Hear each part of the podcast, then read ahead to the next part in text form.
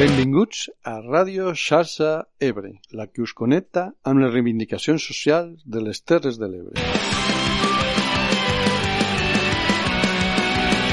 Aquí estem de nou per tractar tot el que ens preocupa amb la gent que se n'ocupa.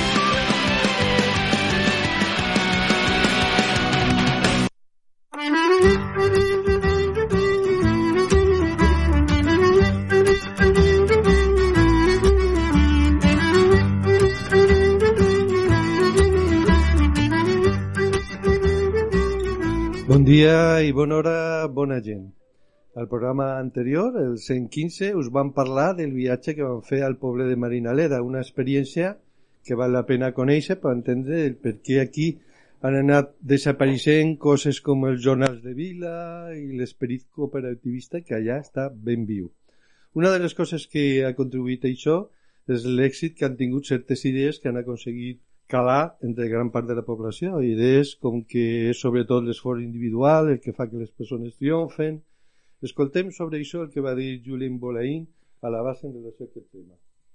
Supuestamente todos, todas las personas tenemos eh, las mismas oportunidades de acceso, sobre todo a la propiedad y al mercado, ¿no? Debido a la igualdad de oportunidades. ¿Qué es lo que pasa? Bueno, pues esto establece el discurso de si te esfuerzas llegarás lejos. Claro, ¿realmente tenemos todas las personas las mismas oportunidades de base? ¿Es válida la meritocracia en nuestro sistema o hay factores que afectan a una creciente desigualdad? ¿No? Es lo que nos tenemos que preguntar, como el acceso a la educación y el acceso a la riqueza, que son dos de los factores que más afectan en la igualdad de oportunidades o en la desigualdad de oportunidades en nuestra sociedad, ¿no? Los ricos son ricos porque se lo han ganado, ¿no? Que eso es algo que se establece con el discurso meritocrático. Y para mí el problema no es tanto los ricos, sino la meritocracia. Tiene un problema, el discurso meritocrático, que es que es una ideología que ha sentado las bases para la creación de un discurso de odio, de juicio y de rechazo al pobre. ¿Vale? Porque si eres rico es porque te has esforzado, pero si eres pobre es porque no te has esforzado lo suficiente. ¿Y por qué? Pues porque en el imaginario colectivo también se ha sentado la creencia de que salir de la pobreza no solo es posible, sino que además es digno de elogio. Entonces, las personas pobres tradicionalmente han sido etiquetadas como vagas, perezosas, eh, moralmente débiles, carentes de ambición, en definitiva como perdedoras, ¿no? Y ese yo creo que es uno de los mayores problemas que tiene el discurso meritocrático asentado en nuestra sociedad. Un discurs, el meritocràtic, que ha reeixit a generar divisió entre la gent, uns dient als altres que el que fan eh, els habilita per a viure millor, mereixen viure que els altres, obviant coses tan evidents com que no parteixen de la mateixa posició, que moltes vegades aquesta posició millor de partida ve dels diners i dels contactes que van poder llegar els pares o els avis o el lloc on s'ha nascut i no a l'esforç propi. D'aquesta manera es fa més difícil que la gent s'uneixi en projectes col·lectius que cada vegada costen més de tirar endavant.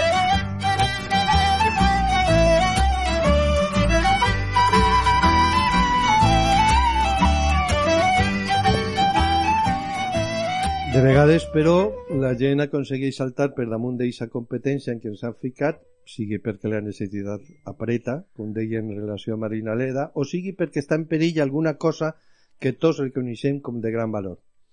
És el que va passar la defensa del riu en aquestes terres de l'Ebre i la plataforma en la seva defensa ha aconseguit també mantenir aquest esperit unitari col·lectiu durant molts anys, en els que les amenaces han anat canviant però sempre han estat presents per parlar de les noves amenaces, de la situació actual del Delta i de la barra del Trabucador, a tres anys del Glòria. Tenim en nosaltres a dues persones molt lligades al treball de la plataforma. Es tracta de Susana Vella, una de les seues portaveus. Benvinguda, Susana, gràcies per venir. Hola, bon dia. I de Jordi Parés, de l'Associació de Sediments. Benvingut, Jordi, gràcies també gràcies per venir. Gràcies per convidar-nos.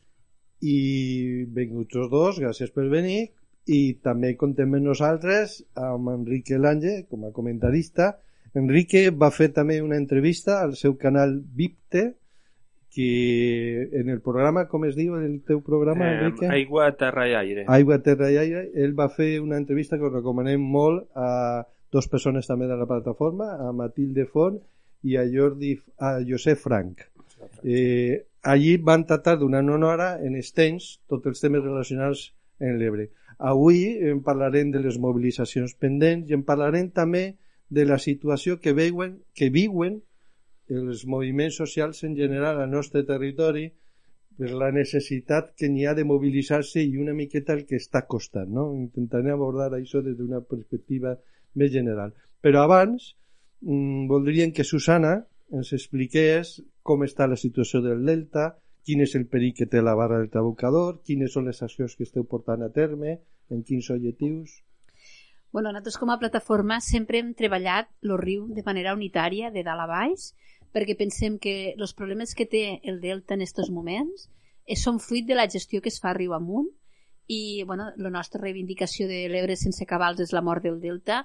Són cabals, hem reivindicat durant molts anys cabals líquids, aigua que arriba al, al tram final que genera riquesa en l'agricultura, en la pesca, en, les, en els cultius marins, però també cabals sòlids perquè el delta no hem d'oblidar-lo que s'ha creat dels sediments que el riu ha anat arrossegant al llarg de milers i milers d'anys i que són els que han creat aquest, aquest delta que coneixem, un riu que naixia a Reinosa i que va crear un delta gran de 340 quilòmetres quadrats, crec que és, i, però que desgraciadament des de la posta en marxa dels grans embassaments dels anys 60-70 eh, és un riu que ja no naix a Reinosa i que naix a, a Ribarroja i que per tant el que ens està passant és que ens estem quedant en un delta petit perquè uh, el nostre lema últim que tenim de riu gran, delta gran ara tenim un riu minut i ens acabem convertint en un delta minut Ara, eh, desgraciadament, a les cues dels embassaments estan quedant retinguts tots els sediments i això fa que aquests sediments creen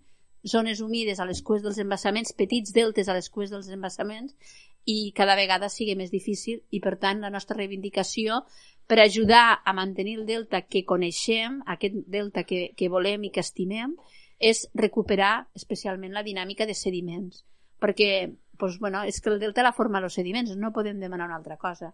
I si bé és cert que potser eh, de manera, diguéssim, mm, en, com a mesures d'emergència en punts crítics, com per exemple podria ser el punt del Trabucador o a la, o a la zona de la Marquesa, cal plantejar també altres tipus d'actuacions, potser més de, de, bueno, per dir d'alguna manera així com d'emergència per, a, per a resoldre un, diguéssim, per guanyar temps, perquè no és una altra cosa que guanyar temps, eh, aquestes actuacions que es poden plantejar avui a la costa, si no van acompanyades de començar a moure sediments, seran solucions totalment efímeres. Seran un engany que causarà més frustració al territori del que, del que sentim o vam sentir aquell 20 de gener del 2020 quan vam veure que l'aigua entrava quilòmetres i quilòmetres terra endins o quan es va trencar el trabucador, que s'ha trencat més d'una vegada. I bueno, per això estem, estem on estem, perquè tres anys després, i després de passar dos anys de pandèmia que, o, que, que d'alguna manera no ens va permetre sortir al carrer en el moment que creiem que tocava, ara que ja ho podem fer, doncs hem de tornar a recuperar el carrer i, i que millor que, que celebrar-ho no, perquè no, no celebrem res eh, en la glòria, eh, recordem, recordem una cosa que volem que, que s'evite perquè eh, quan perdem de la memòria les coses és quan ens tornen a passar per tant no hem d'oblidar el que va passar per a, per a intentar evitar que torni a passar uh -huh. eh, Jordi, parlant de sediments tinc entès, tu me corregiràs si no és, no és així que no es va fer les coses quan s'havien de fer perquè els sediments podien haver sortit en el seu moment per baix dels embassaments no se va fer s'han colmatat ara encara que obrin no poden sortir i es veu que ara volen fer alguna coseta Això com ho veus tu? Oye, ja m'agradaria que fessin alguna coseta, més que fos una coseta. Però crec que, que ni això, ni això fan, ni això que faran és uh, treure els sediments que estan obturant el canal, eh, l'entrada eh, per la cua a Ribarroja, que era el poble de Mequinensa, però crearan un altre problema. Ja ho van fer, van treure els sediments de Barcelona, van crear el problema al poble de Mequinensa i ara treuran els sediments allà i els llançaran al riu, però no faran res perquè baixen i que arriben a baixar. Per tant, poca cosa, poca cosa se fa.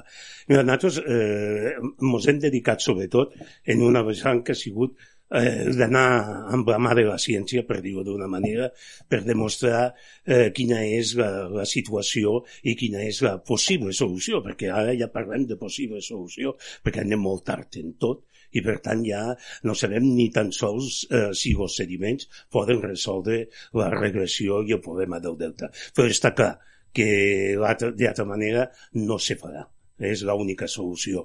Vam editar un llibre que, de Terra Presa on recollim eh, estudis científics de, de la gent del país, de, com Carles Ibáñez i Nassesfrat i professors i catedràtics com Martín Vide, etc etc, que eh, demostren que és possible, que és possible eh, fer arribar els sediments i que és possible eh, fer baixar. Va, un cost, té un cost és veritat. Eh, indubtablement, això té un cost. Paral·lelament, també hem vist que eh, les concessions a Endesa eh, Endesa està obligada a donar un 25% de, de la producció d'electricitat. No està clar si és sobre beneficis o sobre tota la producció, perquè l'escolantisme que hi ha a l'entorn de les concessions no podem arribar a, esbrinar, però sí que és cert sí que és cert que està obligada a fer això. Senyors, ja tenim l'energia suficient per fer tots els bypass necessaris per transportar sediments de Ribarroja al riu i fer-los baixar. Sí, se fes complir, però no se fa complir. No em preguntes per què no es compleix, perquè després veiem el senyor Nar, el senyor eh, Montilla, el senyor Felipe González, etc., tots treballant després de sortir de, dels seus càrrecs per Endesa i per les grans companyies. No cal que te preguntem No cal que me preguntes. Però no sé si serà per això o no, però el fet real és que ni tan sols allò que tenien o que uh, uh, haurien d'aportar obligatòriament no ho fan. I de menys ens diuen que és molt car, que és molt difícil, que hi ha dificultats tècniques, tot un munt d'excuses i se gasten els diners doncs, eh, tirant-los al mar. Eh? I això no vol dir que estiguem en contra de que se, provisionalment i de forma preventiva doncs es moguin arenes a la línia de la costa, de que s'intente eh, protegir al màxim. Però, senyors, o baixen sediments, o proper Glòria, se diga Glòria o se diga com se vulga, eh, se tornarà a endur eh, esta arena al mar. Eh? I aquesta és la realitat. I aquesta, i aquesta realitat només amb els sediments la podem aturar. Uh -huh. Enrique, voldries fer alguna sí, bueno, pregunta? Primer que res, donar les gràcies a, a la vostra plataforma, diguéssim, perquè són 23 anys ja d'existència, es va crear el 2000, i bueno, eh, el que diem, riu Ebre, però és que l'Ebre mos uneix, mos uneix a tot el territori, xarxa Ebre, Ebre, ebrencs, el riu mos ha creat vida, que és el que sempre diem, i també mos ha fet un, un èxit d'unió de territori. Però clar, el riu este cada vegada, malauradament, baixa menys aigua, també per els problemes que han de, del canvi climàtic. Ara estem veient com, per exemple, els Pirineus cada vegada neva menys i allò era una reserva d'aigua, que les hidroelèctriques gestionen l'aigua com es volen depenent també del preu de, de l'electricitat. I que bueno, i se, se, la gent se pensa que el riu, l'aigua que baixa per allí moltes vegades, sobretot al País Valencià en èpoques de, anteriors i més concretament del Partit Popular dient que l'aigua que, que baixava per riu i arribava al mar se perdia. Mm. quan, quan és totalment fals bueno, aquella aigua pues, bueno, pues el que diem porta uns sediments porten una sèrie de,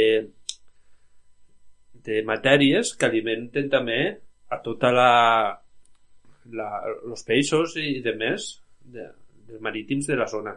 Entonces, claro, el gran problema dels que veig dels embassaments és que no, no s'obrin mai les portes perquè això provocaria, en aquest moment que el preu d'electricitat està tan alt, pues una reducció en la producció d'energia elèctrica.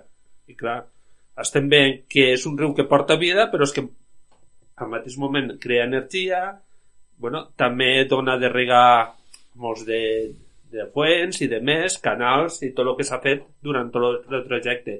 I què passa? Que al final veiem quan passem per Tortosa que mires baix el pont i quasi veus la fondària, o sigui que pel riu quasi no baixa aigua. Al pas per Tortosa, però clar, quan arribes a Amposta i passes pel pont de la 340, clar, tu veus un riu que allò pareix l'Amazones, per dir-te alguna cosa i la gent pensa que tot allò és aigua que baixa durant tot l'any al riu, quan no és cert. És aigua de mar que entra. Claro, és, Un gran és aigua pan. salada en una miqueta d'aigua dolça per dalt, clar, i, i la imatge que té, jo penso, eh, molt de, diguem, rebre, Ebre amunt, és que l'aigua, igual com va circulant, i arriba al final, però és, és tot el contrari, entre embasaments, preses, canals i demés, poquet a poquet l'aigua, que a millor l'aigua que surt a Reinosa, aquí baix al Tebre ja no arriba perquè s'ha quedat molts quilòmetres amunt. Però és que també el munt d'indústries el munt de municipis que està fa poc han abocat l'aigua d'aquella manera al riu. Pues tot això ha fet que l'ecosistema del delta pues, tingui que rebre unes conseqüències que no són agradables si a això sumem el canvi climàtic que hi ha antes de la falta de pluja que s'uneixen als temporals que vam tindre ara fa 3 anys, que no sabem lo pròxim quan pot ser. Igual pot ser a principis d'any, com igual pot ser de dos anys, però que ens transformarà el delta i és preocupant la situació, és un fet evident. I una cosa que abans de passar a la segona part del programa, que parlarem, com hem dit, més en general dels moviments socials aquí al territori i el que costa la implicació de la gent, mm, continuant en el tema del Delta, ens ha quedat pendent dir-li a la gent quines són les activitats que estan previstes. Crec que n'hi ha una el 12 de febrer. Vols explicar-ho, Susana? Sí, bueno, eh, per ordre cronològic, Uh -huh. començaríem aquest proper diumenge, eh, celebrarem el Dia de les Zones Humides. ¿vale? El Dia de les Zones Humides és un dia que se celebra a nivell mundial a partir de la Convenció Ramsar perquè les zones humides tenen una, un valor ambiental importantíssim eh, no sols eh, per temes ambientals sinó també socioeconòmics perquè les aus en les seues migracions també tenen un valor socioeconòmic no sols perquè les cacen sinó perquè en, en, en altres funcions.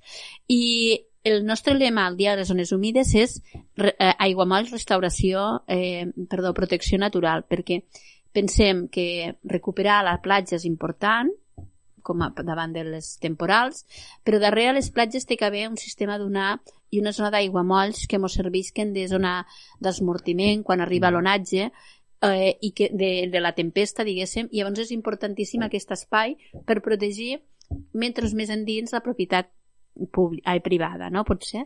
Llavors, per això nosaltres el nostre lema des de fa dos o tres anys ja, des després del Glòria, és aiguamolls protecció natural. És una cosa que costa entendre, però que és necessària.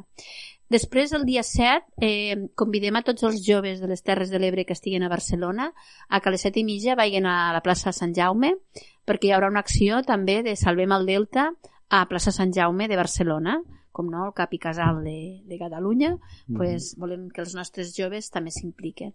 I, finalment, el 12 de, de febrer, farem una manifestació, eh, després de la del 2016 serà la primera gran mobilització que plantegem, eh, que bueno, pues serà, el lema és Salvem lo Delta, eh, i està en, en este objectiu no, de, primer, per una banda, tornar-nos a mobilitzar perquè és necessari, ficar damunt de la taula tots aquests problemes que tenim eh, los visualitzem a la costa, però que, com dia abans, estan riu amunt, estan en el pla de Conca, per exemple, o estaran en el pla aquest que proposa el Ministeri, si no proposa mobilitzar sorres, ai, perdó, sediment riu amunt. Eh, I tot això és el que volem denunciar per a que, bueno, pues per a que les administracions, eh, sigui l'estatal, sigui la catalana, comencen a prendre mesures reals, però no només a la costa, sinó anant al fons del problema que és riu amunt.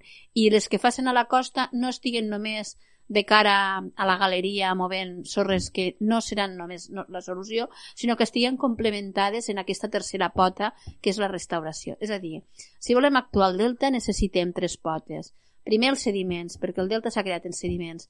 Després necessitem potser en punts concrets aquestes sorres i tercer, sobretot necessitem també la tema de la restauració i recuperar les zones d'aigua molls per a que servisquen de tampó. I això és el que anirem a denunciar bueno, el dia 12 i que convidem a tota la societat ebrenca i no ebrenca a vindre. Les nostres mobilitzacions sempre han sigut mobilitzacions festives, mobilitzacions familiars, mobilitzacions d'implicació de, del territori. I bueno, en això convidem a tothom a vindre.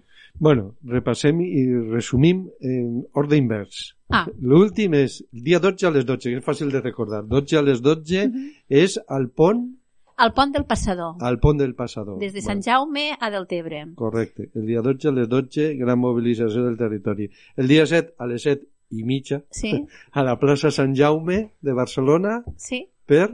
Bueno, pues, eh, implicar la societat també, de, els, els joves que estan a Barcelona i també la societat de Barcelona para, para, bueno, pues para, para vindre el dia 12, però sobretot per a fer ressò d'aquest problema. I la més propera, que El- és... El proper dissabte, ai, proper, proper diumenge, el dia de les zones humides, eh, la farem, que això no ho havia dit, perdoneu, eh, a, la, a, a les salines de Sant Antoni, és a dir, baixant de la Ràpita a, a, al Trabucador, eh, i bueno, eh, explicarem la zona, la, la, com, com van actuar aquesta zona d'aiguamolls eh, per la protecció del, diguéssim, davant dels temporals. El proper diumenge és el dia 5. Sí, El dia 5, a quina hora? A les... eh, a les 11, El dia 5 a les 11 al... al Trabucador. Al a l'entrada al Trabucador. Mos han de Dia trobar. de les zones humides. Sí, Vale. Molt bé. I, i a l'associació Sediments que teniu en marxa? No, bueno, nosaltres participem igualment d'aquestes mobilitzacions. d'estes tres Està activitats. clar que, que, i des del primer moment hem estat amb ells amb això i, i ho farem. Uh, la nostra línia ha anat més per pressionar a les administracions i principalment a Endesa en totes les denúncies que estem presentant i la pressió que estem fent. Eh, vam denunciar el que comentaves al principi, perquè no sabem si les comportes de fons de les preses estan en funcionament.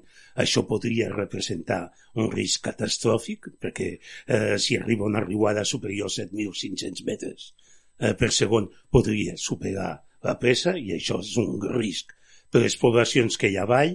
Eh, hem presentat la denúncia a la Fiscalia,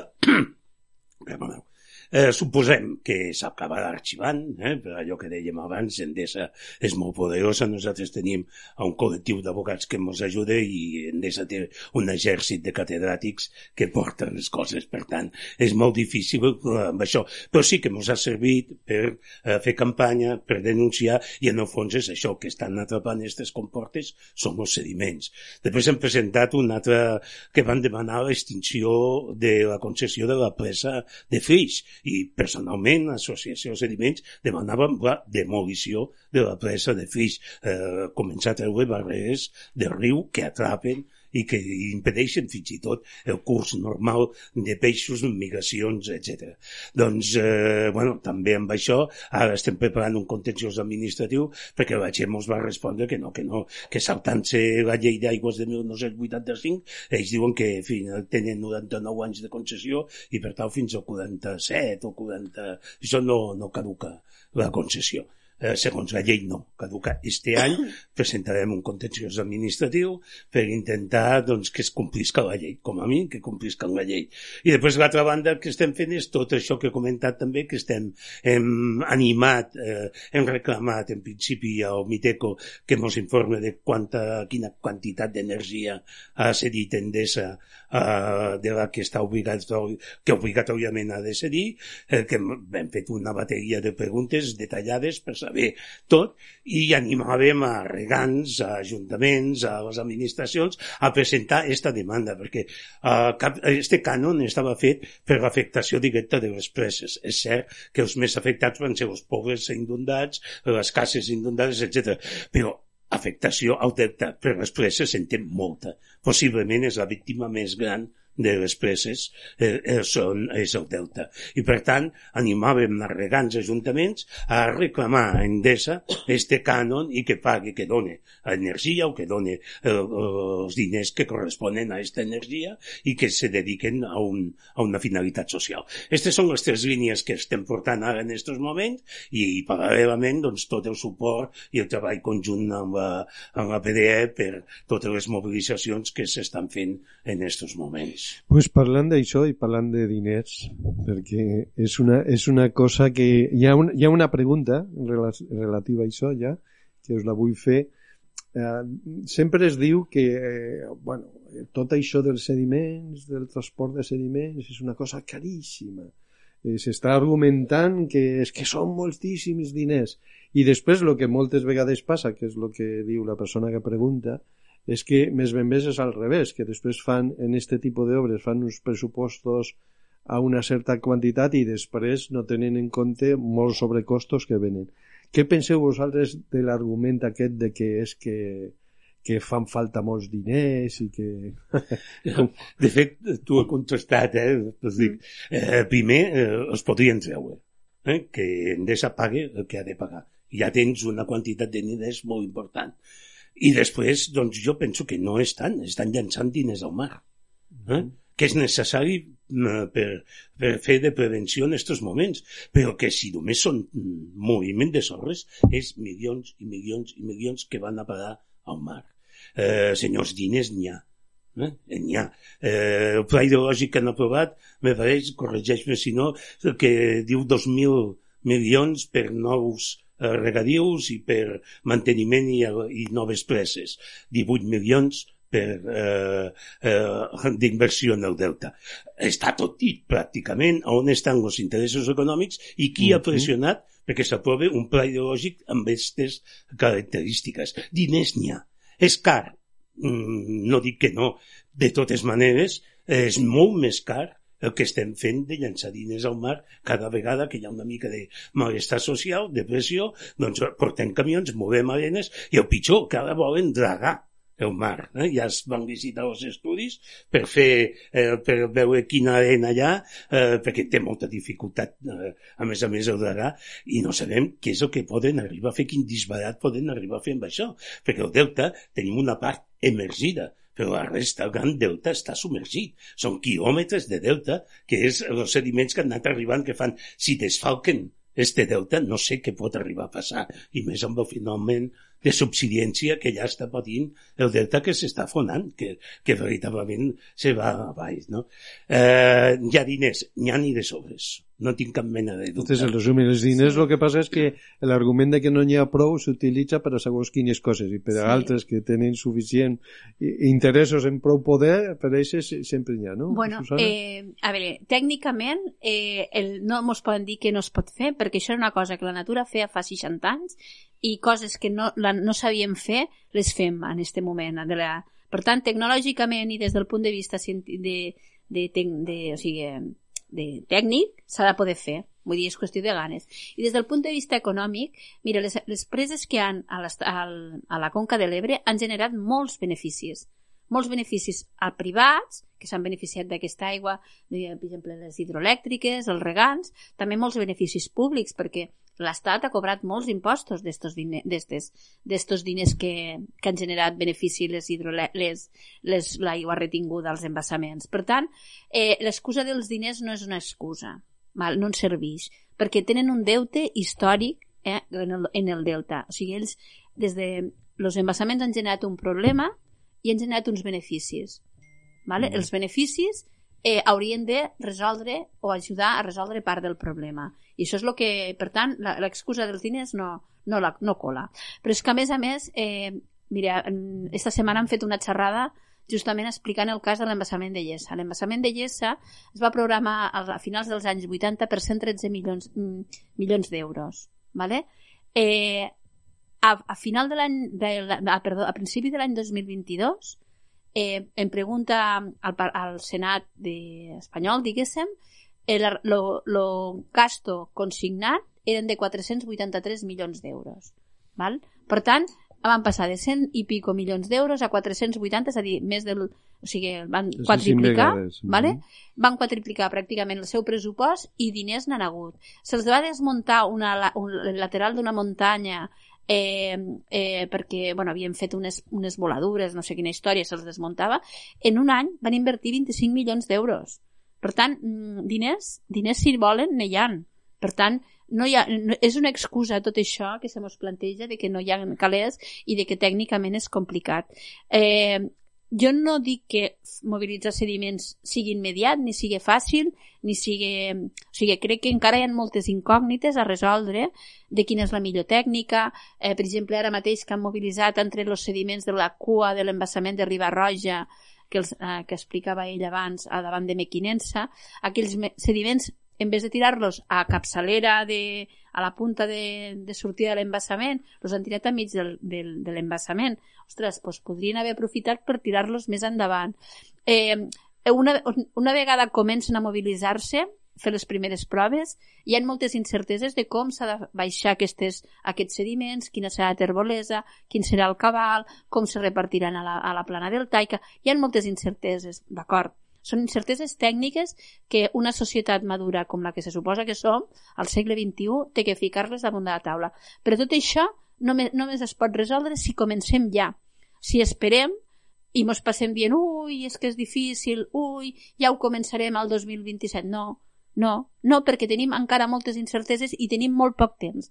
I totes aquestes coses necessitaran encara temps de treball i d'estudi. Llavors, nosaltres no entenem com el 2017-2018 eh, el programa, el projecte Ebreat Miclim ja es va ficar damunt de la taula eh, les primeres mobilitzacions de sediments, com pot ser que ara el Pla de Conca ens envia, en remetigui al 2027 i perquè el pla acabava el 2027, que si hagués acabat el 2050 en remetria al 2050, això ho tinc claríssim, però com pot ser que una cosa que ja començàvem, ja es ficàvem de la taula el 2017-2018, mos, mos repetiguin 10 anys després a veure si fem alguna cosa.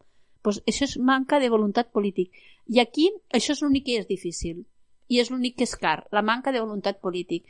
Tot el que és tècnicament i tot el que és econòmicament és perfectament viable el problema és la manca de voluntat política i la, sobretot la, la, la manca de... O sigui, la Confederació, que és un organisme molt opac i que, a més a més, està copada per els interessos dels usuaris que, bueno, evidentment, el que no faran és, és contra... O sigui, ficar en risc els seus interessos econòmics per a resoldre el problema que han generat riu avall. Mm, per cert, una de les coses que a mi em semblen molt positives del treball que feu a la plataforma i a sediments és, eh, a banda de la capacitat de mobilització de la gent, de la que parlarem després a la segona part del programa, la, la referència sempre de tipus científic que he tingut. Mm. I aprofito per dir que el cicle de conferències que feu és molt interessant. Hi ha gent que explica moltes coses, qui vulgui saber en profunditat com està el tema del riu, eh, que s'escolta aquestes conferències com la que esmentaves ara respecte a Llesa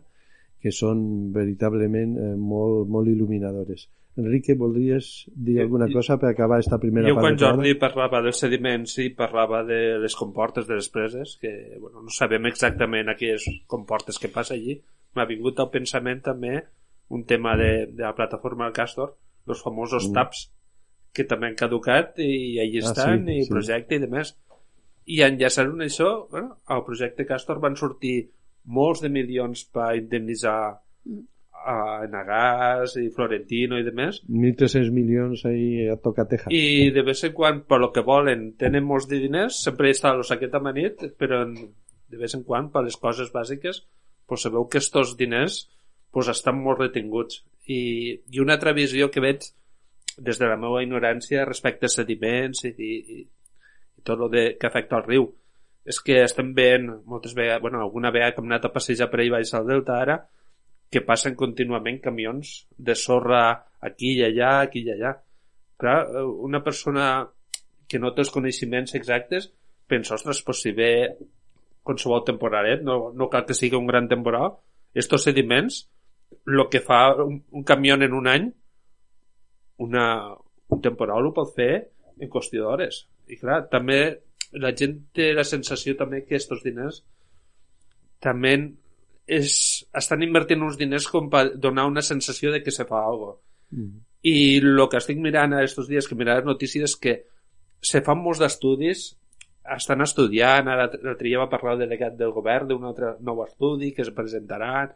Bueno, clar, és que els estudis són estudis i se queden allí.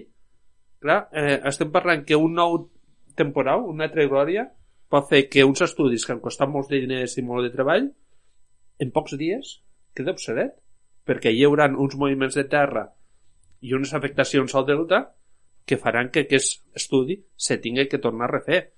I jo veig que hi ha molts d'estudis i molta paraula, però el que realment fa falta són, són diners.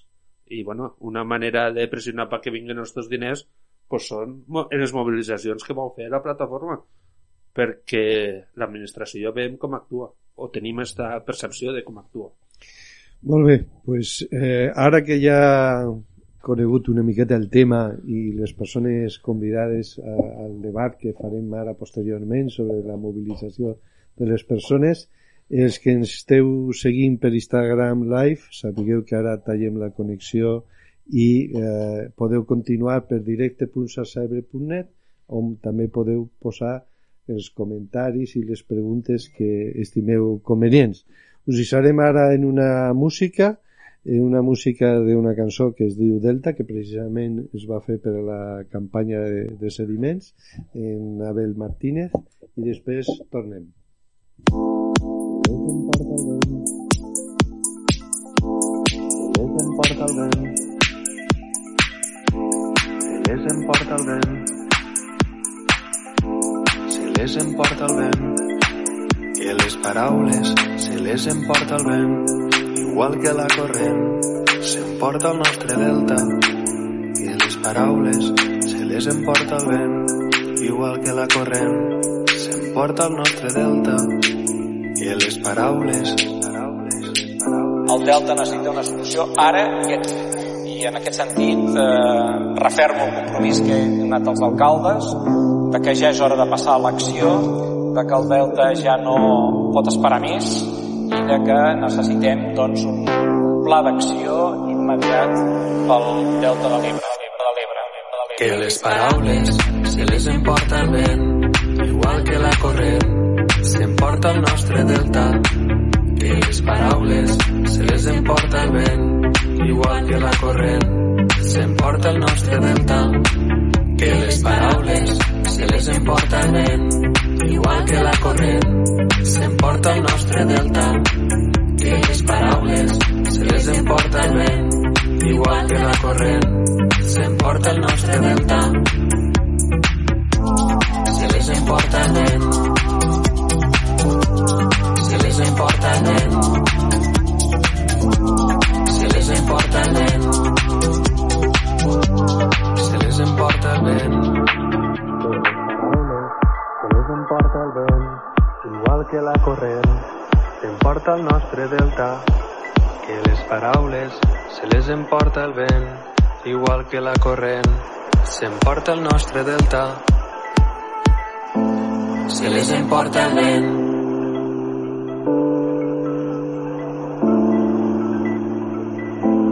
Se les emporta el vent. que les paraules se les emporta el vent, igual que la corrent s'emporta el nostre delta. Que les paraules se les emporta el vent, igual que la corrent s'emporta el nostre delta. Que les paraules se les emporta el vent, igual que la corrent s'emporta el nostre delta. Que les paraules se les emporta el vent, igual que la corrent importa el nostre verdad.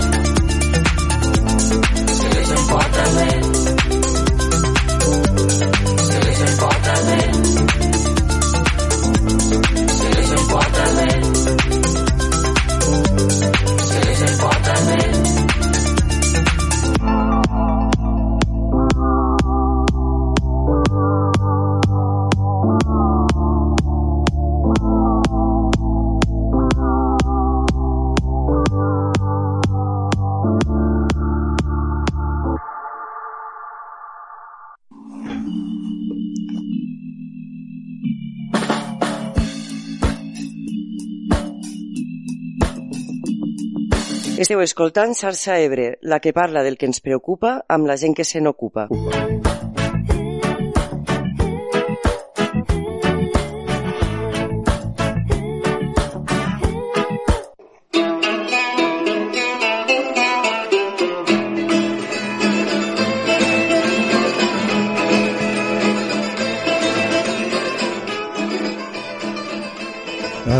introducció del programa parlàvem de la dificultat que tenen els projectes col·lectius i aquí pensa que després del confinament la gent encara està més reticent a participar en activitats d'aquell tipus. Escolteu el que va dir sobre això Emilio Silva, president de l'Associació per la Recuperació de la Memòria Històrica, fa tres dies en el programa de la cafetera. M'agradaria que després en donéssiu la vostra opinió sobre això per engegar la conversa i després anirem derivant per a vosaltres estimeu més convenients i els nostres oients mitjançant el xat de directe.sacerebre.net.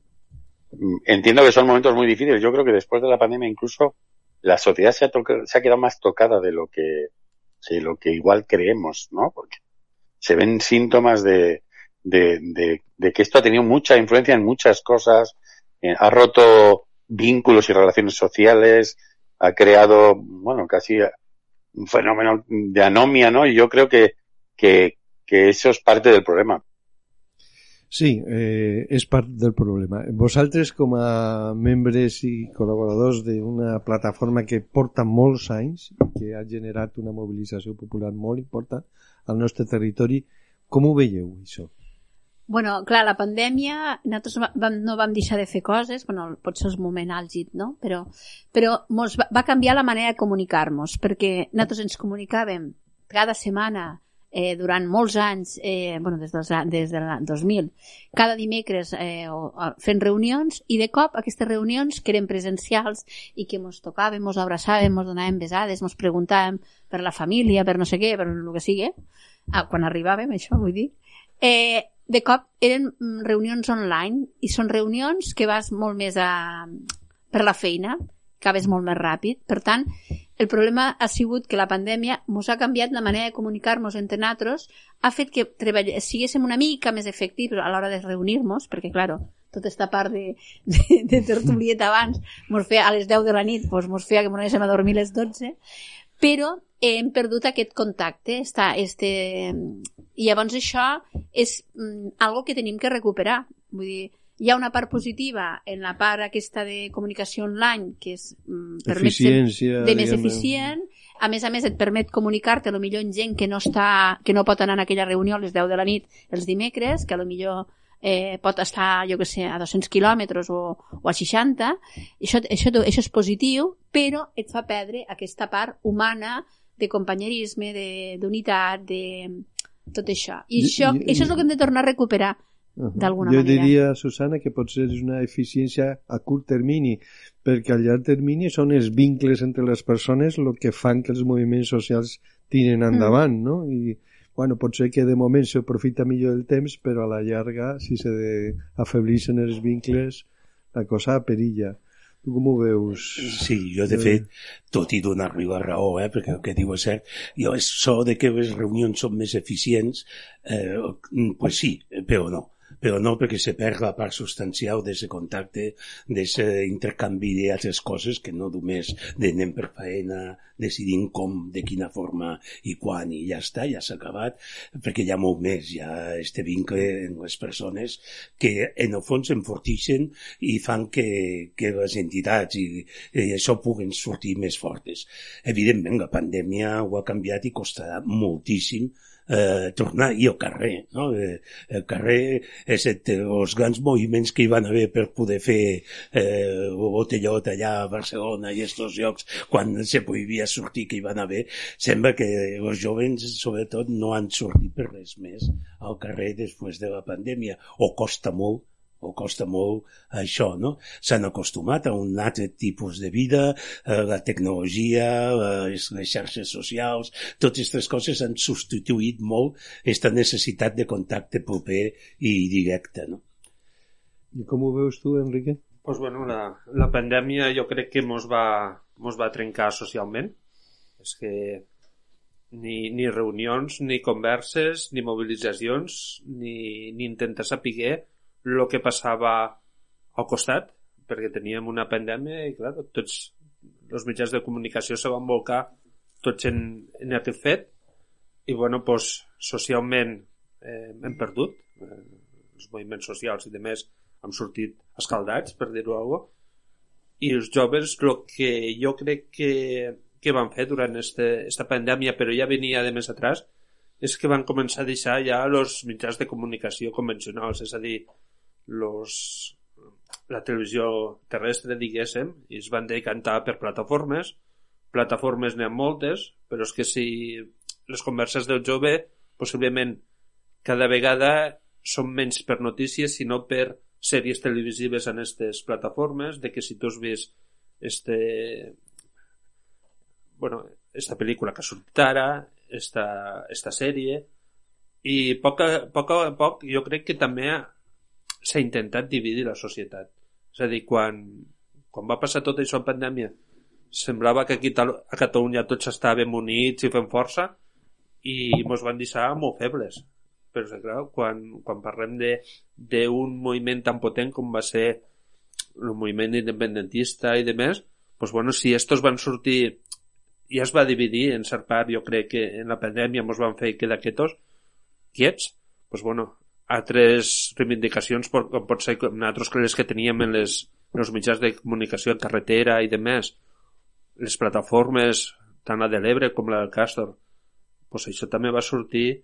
Jo crec també se va quedar com a paralitzat. I ara 3-4 anys després és el moment de tornar a fer manejar esta roda a veure si se comença una altra vegada a fer xarxa i totes aquestes plataformes, tots aquests problemes que teníem, que possiblement no s'han deixat de banda, però continuen estant o inclús han agrejat, pues poder tornar a la gent a que surti al carrer a reivindicar aquests drets que hi ha molts interessos creats perquè no puguem prosperar. L'altre programa, el programa anterior, debatíem amb els nostres convidats sobre aquests temes i ells deien, per exemple, que és la necessitat la a la gent. Recordaven experiències anteriors, parlaven també de lo de Marina Lera, etc. I aleshores, però, per altra banda, també hem vist que, eh, que podria anar a la contra d'això, si no es matisa, que la precarietat, per exemple, en la que estan els joves, eh, la necessitat de buscar-se una feina i fa que, que, que tinguin menys energies per poder col·laborar en tasques socials, no? Això també ho estem veient. O sigui, la necessitat depèn i com, perquè mm, si arriba a ser una precarietat que fa que la gent busque solucions individuals per la seva part, al final desfà més, més que unís a la gent. O sigui, a banda de que hi hagi una necessitat, cal vincles. Però això és el que estàvem parlant fa un moment. Nosaltres com ho veieu? Penseu d'aquesta manera, com diuen els nostres convidats, que és la necessitat, o que els joves, perquè tots els moviments com el vostre necessiten un relleu juvenil i en la majoria, en la majoria de les organitzacions socials, ho hem comentat en aquest programa moltes vegades, este és el problema. Aquí van vindre dos joves Mm, de la generació més nova, diguem-ne, de los rius Vida, eh, que presentaven a més un, un llibre que havien fet i tal, que donava aquesta esperança de que, bueno, almenys la, la plataforma en defensa de l'Ebre hi ha gent jove, el Josep Juan de la campanya de sediments que ha vingut aquí, que és una persona eh, jove, eh, bueno, en un sentit ampli de la paraula jove, perquè Ara, ara tenint en compte que moltes vegades el que trobem en aquests moviments és gent de 50, de 60 anys, doncs una persona de 30 o de 40 es pot considerar jove, no? Aleshores, eh, no sé, eh, sembla que vosaltres en teniu una miqueta més d'esperança que altres moviments socials respecte al relleu generacional. Com ho, Bueno, a veure, nosaltres des del nostre des del punt de vista és que eh, los, los moviments se fan forts quan hi ha situacions de crisi. Per exemple, la plataforma que tots coneixen de l'any 2000 ja venia de, de gent que estava lluitant contra el trasbassament de, de l'Ebre al Camp de Tarragona als anys 80, contra el mini trasbassament, ai, contra el trasbassament del Pla Molins, del Pla Borrell i d'altres moviments. Llavors, quan arriba un moment de crisi, allò de, de com va ser el pla hidrològic, llavors, en aquell moment és quan tothom ho revoltem i, el, i, i és el canvi, és a dir, que els moments de crisi són els que generen aquest canvi d'implicació de, de, la, de la joventut. Avui potser no estem sabent transmetre que la situació que vivim és una situació de crisi. El que està passant al Delta és una situació de crisi, bueno, o potser sí, perquè també hi ha altres joves, com per exemple Josep Joan, jo l'havia vist anar en son pare i sa mare, en la Glòria i el Josep, uh, de manifestació, i de cop un dia diu, mira, jo estiro, mm, crec que els sediments són importants, i estiro mm, paral·lelament a la plataforma aquest tema, no? Llavors, segurament, mm, estos canvis los hi ha en el moment que hi ha una situació de crisi ell això ho va percebre com una crisi i va sortir i ara en el moment en què com tots junts si siguéssim capaços de tornar a tenir o sentir o percebre aquesta situació de crisi pues, tornaran a sortir joves. Nosaltres ara mateix que estem en aquesta campanya, dins la campanya tenim, tenim jovens que estan fent coses i gent que ens està demanant pues, bueno, participar. També a vegades és complicat perquè nosaltres tenim unes dinàmiques que, claro, no estem en la onda de les dinàmiques d'ells, ni al ritme, i ells ens diuen unes coses i nosaltres estem, saps? Però, bueno, eh, jo crec que jove compromès n'hi ha, val? L'altra cosa és que treballa en les condicions i tot que... Jo vull ser positiva, ho sento, no, me, no, nego, està, ho me, nego, sent, me, nego, sent. me nego a ser negativa perquè si no no, no, no, aniríem no, enlloc. És anar a mirar les arrels dels problemes. Per cert, hi ha una pregunta que eh, eh, la llanço també perquè estem arribant al final del programa i no m'agradaria que es quedés sense resposta. Diu que si fan falta tant regadius quan tenim un problema de sobreproducció agrícola. Eh, Jordi?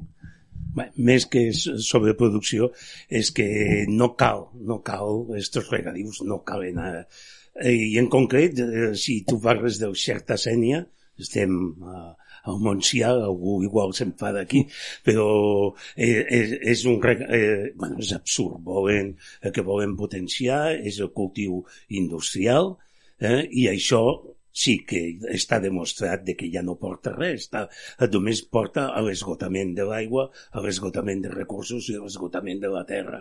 Per tant, no tenim necessitat de fer nous regadius, en aquests moments no hi ha cap necessitat i és, és malbaratar els diners. Mira, són diners que podrien anar en la defensa del delta. No, no hi ha cap necessitat ni aquí ni conca amunt eh, perquè els monegos al final es convertiran en la horta de, de Saragossa i dius, i tampoc té cap sentit no té cap sentit que es faci això ara. Vale, pues estem arribant al final. Ara teniu un minutet per dir les últimes coses que penseu que s'ho poden haver quedat en el tinter. Comences tu, Enrique? Pues bueno, jo agraïa la plataforma eh, i el que és important ara és fer difusió Eh, jo crec que quan la gent de Catalunya va ser conscient de, del problema del delta per part dels sediments i de més va ser quan se va produir la temporada Ròlia i evidentment la gent va reaccionar tota Catalunya va ser conscient i molts van vindre aquí al Delta quasi com a despedir-se. És allò que ho van veure d'una manera de dir i clar, jo també veig que ara fa falta un impuls també dels mitjans de comunicació a nivell de país per explicar el problema i ser conscients del que hi ha i a veure si tota la gent de les Terres de l'Ebre i el conjunt de Catalunya poden fer força i que arriben estos diners per a salvar el Delta de l'Ebre.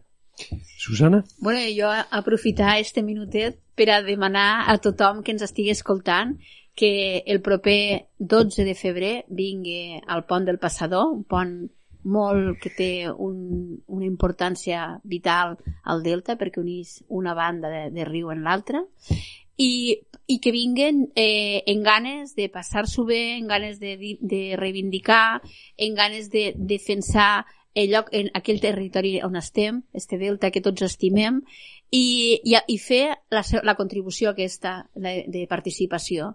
Per tant, la meva crida és a vindre a manifestar-se i a vindre a disfrutar i a, i a portar tot el que tinguen en ells mateixos aquell dia, el dia, 20, el dia 12, 12 a les 12 del migdia al pont del Passador. Bueno, sortirem una miqueta per la, de la zona de les escoles del, de Sant Jaume i creuarem el riu. I com és l'hora del programa, fem els diumenges a les 12, també podeu anar escoltant de pas. Ah, molt bé. Digues, Jordi. Bé, jo només dir que, que anem molt tard. Eh? que anem molt tard, que la regressió del delta no és eh, els moviments normals, perquè els deltes, els deltes són dinàmics, ja tenen aquests moviments, ara no, ara està retrocedint i anem molt tard.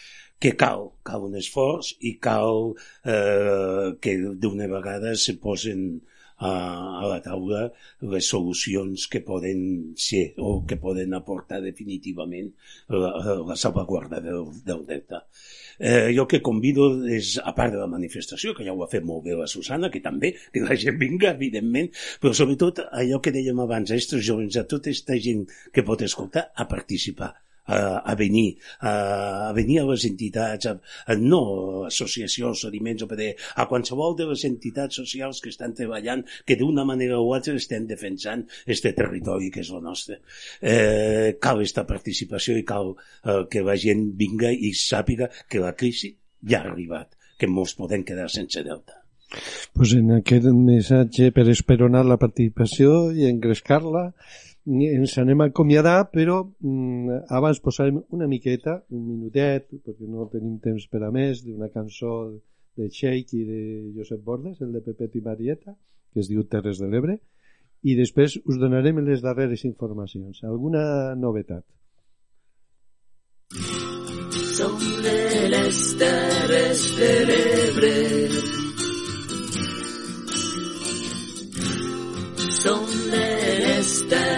terres de i les defensarem sempre. Som de les de.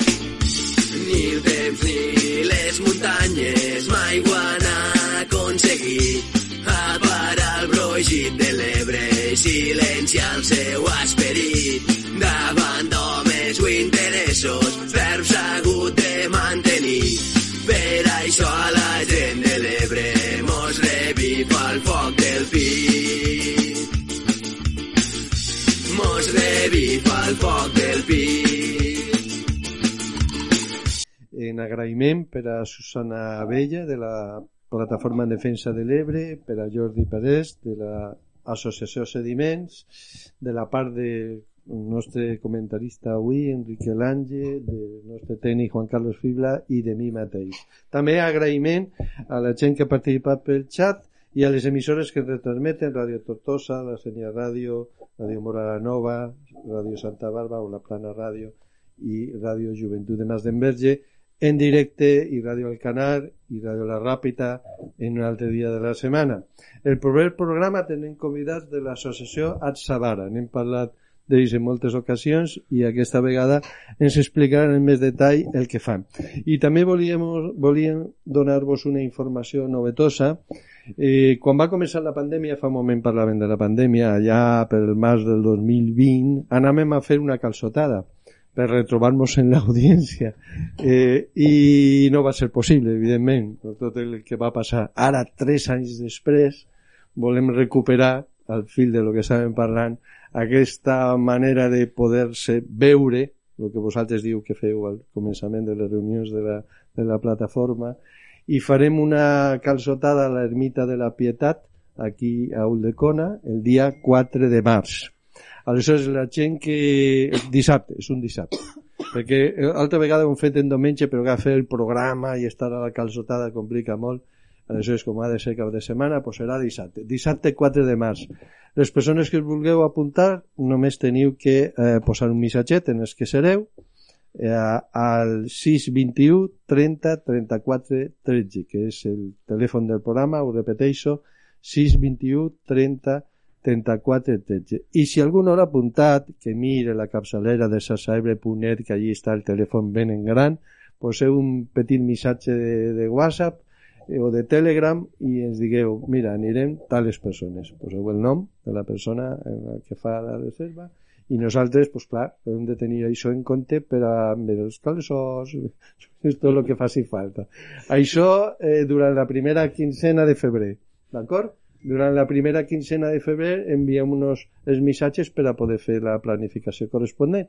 Seria molt bo, hi ha alguns programes d'aquest tipus que diuen que li anomenen això la desvirtualització. Sempre m'ha fet gràcia aquesta paraula.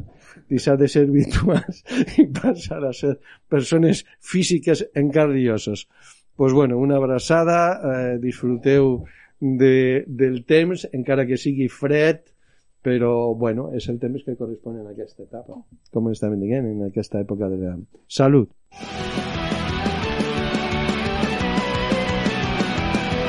T'esperem a la propera emissió de Xarxa Ebre. Ens trobaràs al WordPress, al Gmail, Facebook, Twitter i a l'Ivox. Sempre amb aquesta etiqueta, Xarxa Ebre.